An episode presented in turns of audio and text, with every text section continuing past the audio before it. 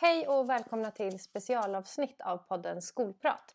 Vi har varit på lärarnas forskningskonferens som går av stapeln tisdag vecka 44 varje år. Och det här är en konferens där lärare presenterar sin undervisningsutvecklande praktiknära forskning för andra lärare.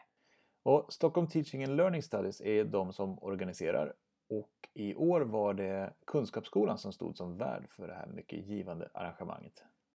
Innehållet är brett med en mängd olika seminarier som pågår parallellt och vi har träffat några av dem som presenterade sitt arbete på konferensen och de har berättat om sina lärdomar för oss. Ja, och ljudet kan bitvis vara lite svajigt och vi inte hade någon särskild studio att spela in i. Men innehållet är desto intressantare. Välkomna att lyssna! I det här samtalet så träffar vi Jane Tuominen och Charlotta Andersson som har undersökt unga elevers teoretiska tänkande om eh, relationer mellan tal i ekvationer samt vad som kan möjliggöra för det tänkandet. Och frågeställningar som de har använt sig av är vad kan vara indikatorer på teoretiskt tänkande när elever utforskar relationer mellan tal i ekvationer? Och vad kan möjliggöra för elever att utveckla teoretiskt tänkande om relationer mellan tal i ekvationer? Studien genomfördes av två forskare tillsammans med lärare i undervisningspraktiken som en intervenerande studie i iterativa processer utifrån forskningsansatsen Learning Study. God lyssning! Hej hej! Jane och Lotta. Hej! Ni ska få säga era fulla namn och vilka är ni och vad, vad gör ni här? Välkomna till Skolprat. Tack! Mitt namn är Charlotte Andersson. Jag är här och presenterar min forskning som jag har genomfört med min kollega. Mm. Mm. Och Jane Tuominen heter jag. Och som sagt är här av samma anledning. Ja. Och idag så har Lotta och jag valt att presentera två varsina presentationer. Ofta har vi gjort det tillsammans. Det. Men idag valde vi att göra på det här viset. Och berätta, vad, vad handlar er forskning om? Ja, vi kan väl säga att den startade i att vi hade funderingar dels som, utifrån att vara lärare i bakgrunden mm. eh, kring undervisning om subtraktion och negativa tal men också att vi har handlat learning studies där vi har fått syn på att hmm, det är någonting här. Mm. Och då blev vi väldigt intresserade av det. Mm. Och tidigare forskning lyfte fram det här som problematiska områden som krånglar till det i undervisningen. Mm. Även fast det finns massor av forskning om det. Ja, för det är negativa tal och subtraktion. Och subtraktion. Mm. Ja. Som var vår utgångspunkt. Just det. Sen hade vi möjligheten att få ta del av Davidov och Elkonins forskning. Mm. Och få se på det här från ett annat perspektiv än vad vi vanligtvis mm. gör i Sverige då och hur vi undervisar.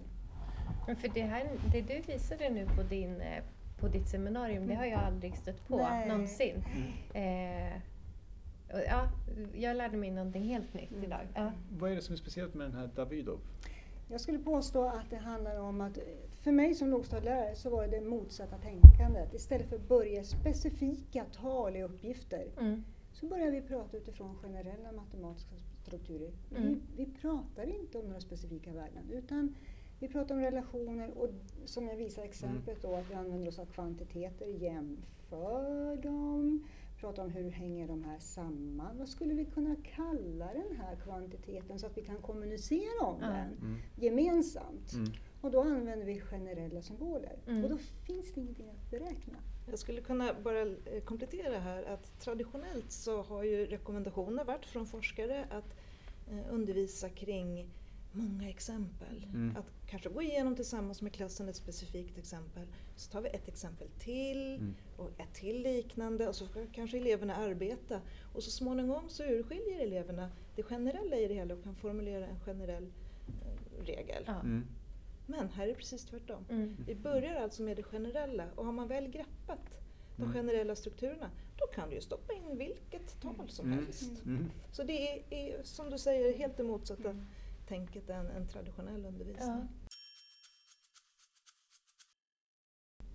Och jag känner att det där hade ju varit super om ni hade varit mina lärare. ja. ja, verkligen. Det är ett litet ljus tändes här. Ja, men ja. jätteintressant. Och ja. Den här lärandemodellen som ni har kommit fram med, mm. alltså vad är det, hur, kan ni sammanfatta den på något vis?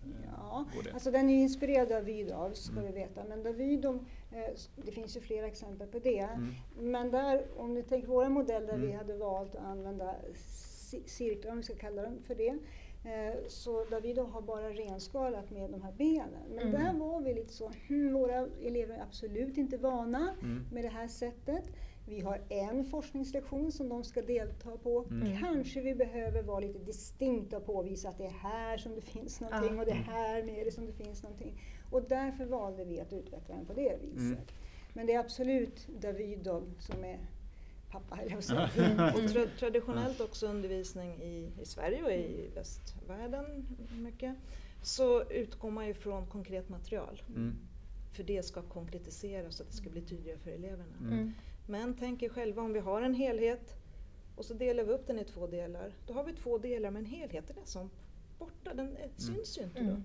Lärandemodellen har möjlighet att visualisera helheten och delarna simultant. Ja. Och då kan vi på ett annat sätt föra diskussioner och resonera kring hur de här talen förhåller sig till varandra. Ja, hur de hänger Mm. ihop. Ja, vi har ju kämpat lite med bråk. Mm. Det, det hänger ju också i helheter och, och Mm, liksom, ja, vi har testat på det eh, nyligen, att Undervisa, ja. i, i bråk. Mm. Och, eh, vi är inte matematiklärare någon av oss. Eh, men om vi hade haft det här sättet, Ja. hur hade det blivit då? Lite didaktik och stödja, stötta Ja, på det. precis. Men eh, en, en annan tanke som slår mig då, det alltså, kan man kalla den här lärandemodellen eh, för en typ av stödstruktur som man kan använda tillsammans med sina elever till- som hjälper eleverna att liksom stötta sig på när de tänker? Ja, men precis. Absolut, det är inte meningen att de alltid ska gå med den här modellen under armen. Tanken är ju att den ska bli en mental Ja. modell så småningom. För att när man väl har urskilt det här, om vi nu pratar del, helhet, struktur, det förhållande, så är det ju inledningsvis som man kan behöva den här och laborera och Mm. pröva så som jag visade på de här Ja. eleverna som Just det. faktiskt inte riktigt fick fatt i vad är det som är helhet och del. Men Mm. de använder ju modellen för att pröva om Mm. och om igen. Men så småningom, så när de får en ekvation, så behöver de inte modellen. Den Nej. finns Den finns liksom som en- mentalt med och de har liksom urskilt vad är det? Ja. Hur förhåller sig de här talen till varandra? Och det där har väl vi också gått igenom. Ja, det har vi. Så att jag tror både Jane och jag använder oss av, av det här tänket nu när vi stöter Mm. på en, Ja. en ekvation som kan till synes vara krånglig. Mm. Mm. Och så kan vi tack vare modellen omformulera den krångliga ekvationen till en, för mig, enklare. Mm. Mm. Mm. Och jag tänker, ni berättade, eller du berättade att det här har ni gjort i årskurs 3, i årskurs 8 och i årskurs 9. Samma modell fast Mm. Ja. då olika svårighetsgrad på ekvation. Ja, eller, värdena hade högre värdena, värda. Och exempelvis ett exempel årskurs 8 och 9 kunde vara negativ 15 subtraherat med negativ 14. Ja. Exempelvis. Uh, Medan vi hade lägre talområde för de yngre. Mm. Men det var inte förrän det kom negativa tal Mm. inkluderat i ekvationerna som det blev att eleverna behövde verkligen ta sig an. Då behövde de modellen. Mm. De behövde den inte när det Nej. var bara positiva tal, för då kunde de hantera ekvationen ändå. Mm. Så det krävdes den utmaningen. Har ni märkt att det här eh, på de skolorna där ni har gjort er forskningslektion, eh, har den tagits vidare och de har använt den på skolan? Eller liksom får eleverna vara med om det här fortsättningsvis också? Just det. Ja. Vi har nog inte på, på det konkreta sättet hunnit följa upp det. Nej. Men det ska vi göra. Nu, Mm.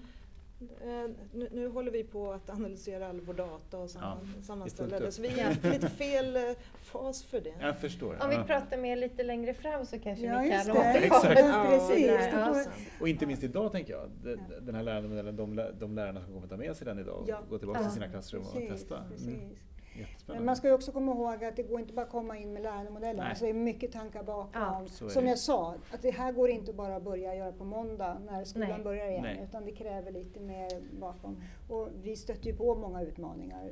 Ja. Och Lotta berättade ju på sin presentation att ibland blev det inte alls det vi avsåg. Så jag, jag tog upp många fallgropar som vi stötte, stötte på under vår forskning. Mm. Ifall någon lärare är nyfiken på hur man kan arbeta med relationer mellan Mm. tal Mm. eh, så har vi många erfarenheter att dela Ja. eh, som man skulle kunna tänka på innan man sätter igång. Mm. När, när räknar ni med, alltså det, ju, det här är ju en jättesvår fråga att eh, svara på, men Mm. när tror ni att, eh, alltså det finns artiklar publicerade. En artikel publicerad och ja. två i pipeline på väg ja. som jag hoppas så småningom ska kunna bli. Ja. Mm. Och eh, själva liksom, vet man när, när avhandlingen, när, när, den, när ni går upp med den? Eller Under var- 2020 va? Ja, Ja. det, det, Ja. det är var målet. absolut intention. Men under Mm. tiden så presenterar vi, det ingår ju i, i vår roll som, som doktorander att presentera vår forskning och vi har ju Mm. presenterat den här under flera år och Ja. varje tillfälle har vi lite nytt att tillföra. Mm, mm. Så att Mm. framöver här nu är ju matematikbiennalen i januari Mm. som vi har planerat in. Hoppas vi bli antagna till. Mm. Och alldeles innan den här var vi i Amsterdam på Walls Mm. mm. och presenterade. För de som inte vet, Madif. Mm. Och det borde jag kunna, men det är ju en matematikkonferens. Kan det vara matematikdidaktik i, i forskning? Mm. Mm. nog dålig på En internationell konferens. Ja, absolut. Mm. Det. Mm. Mm. Även fast den just i år då äger rum i Sverige så är den internationell. konferens. Spännande. Mm. Ja, vad roligt. Mm. Men då önskar vi lycka till Ja, med tack så mycket för att vi fick prata med er. Ja, tack själva. Tack.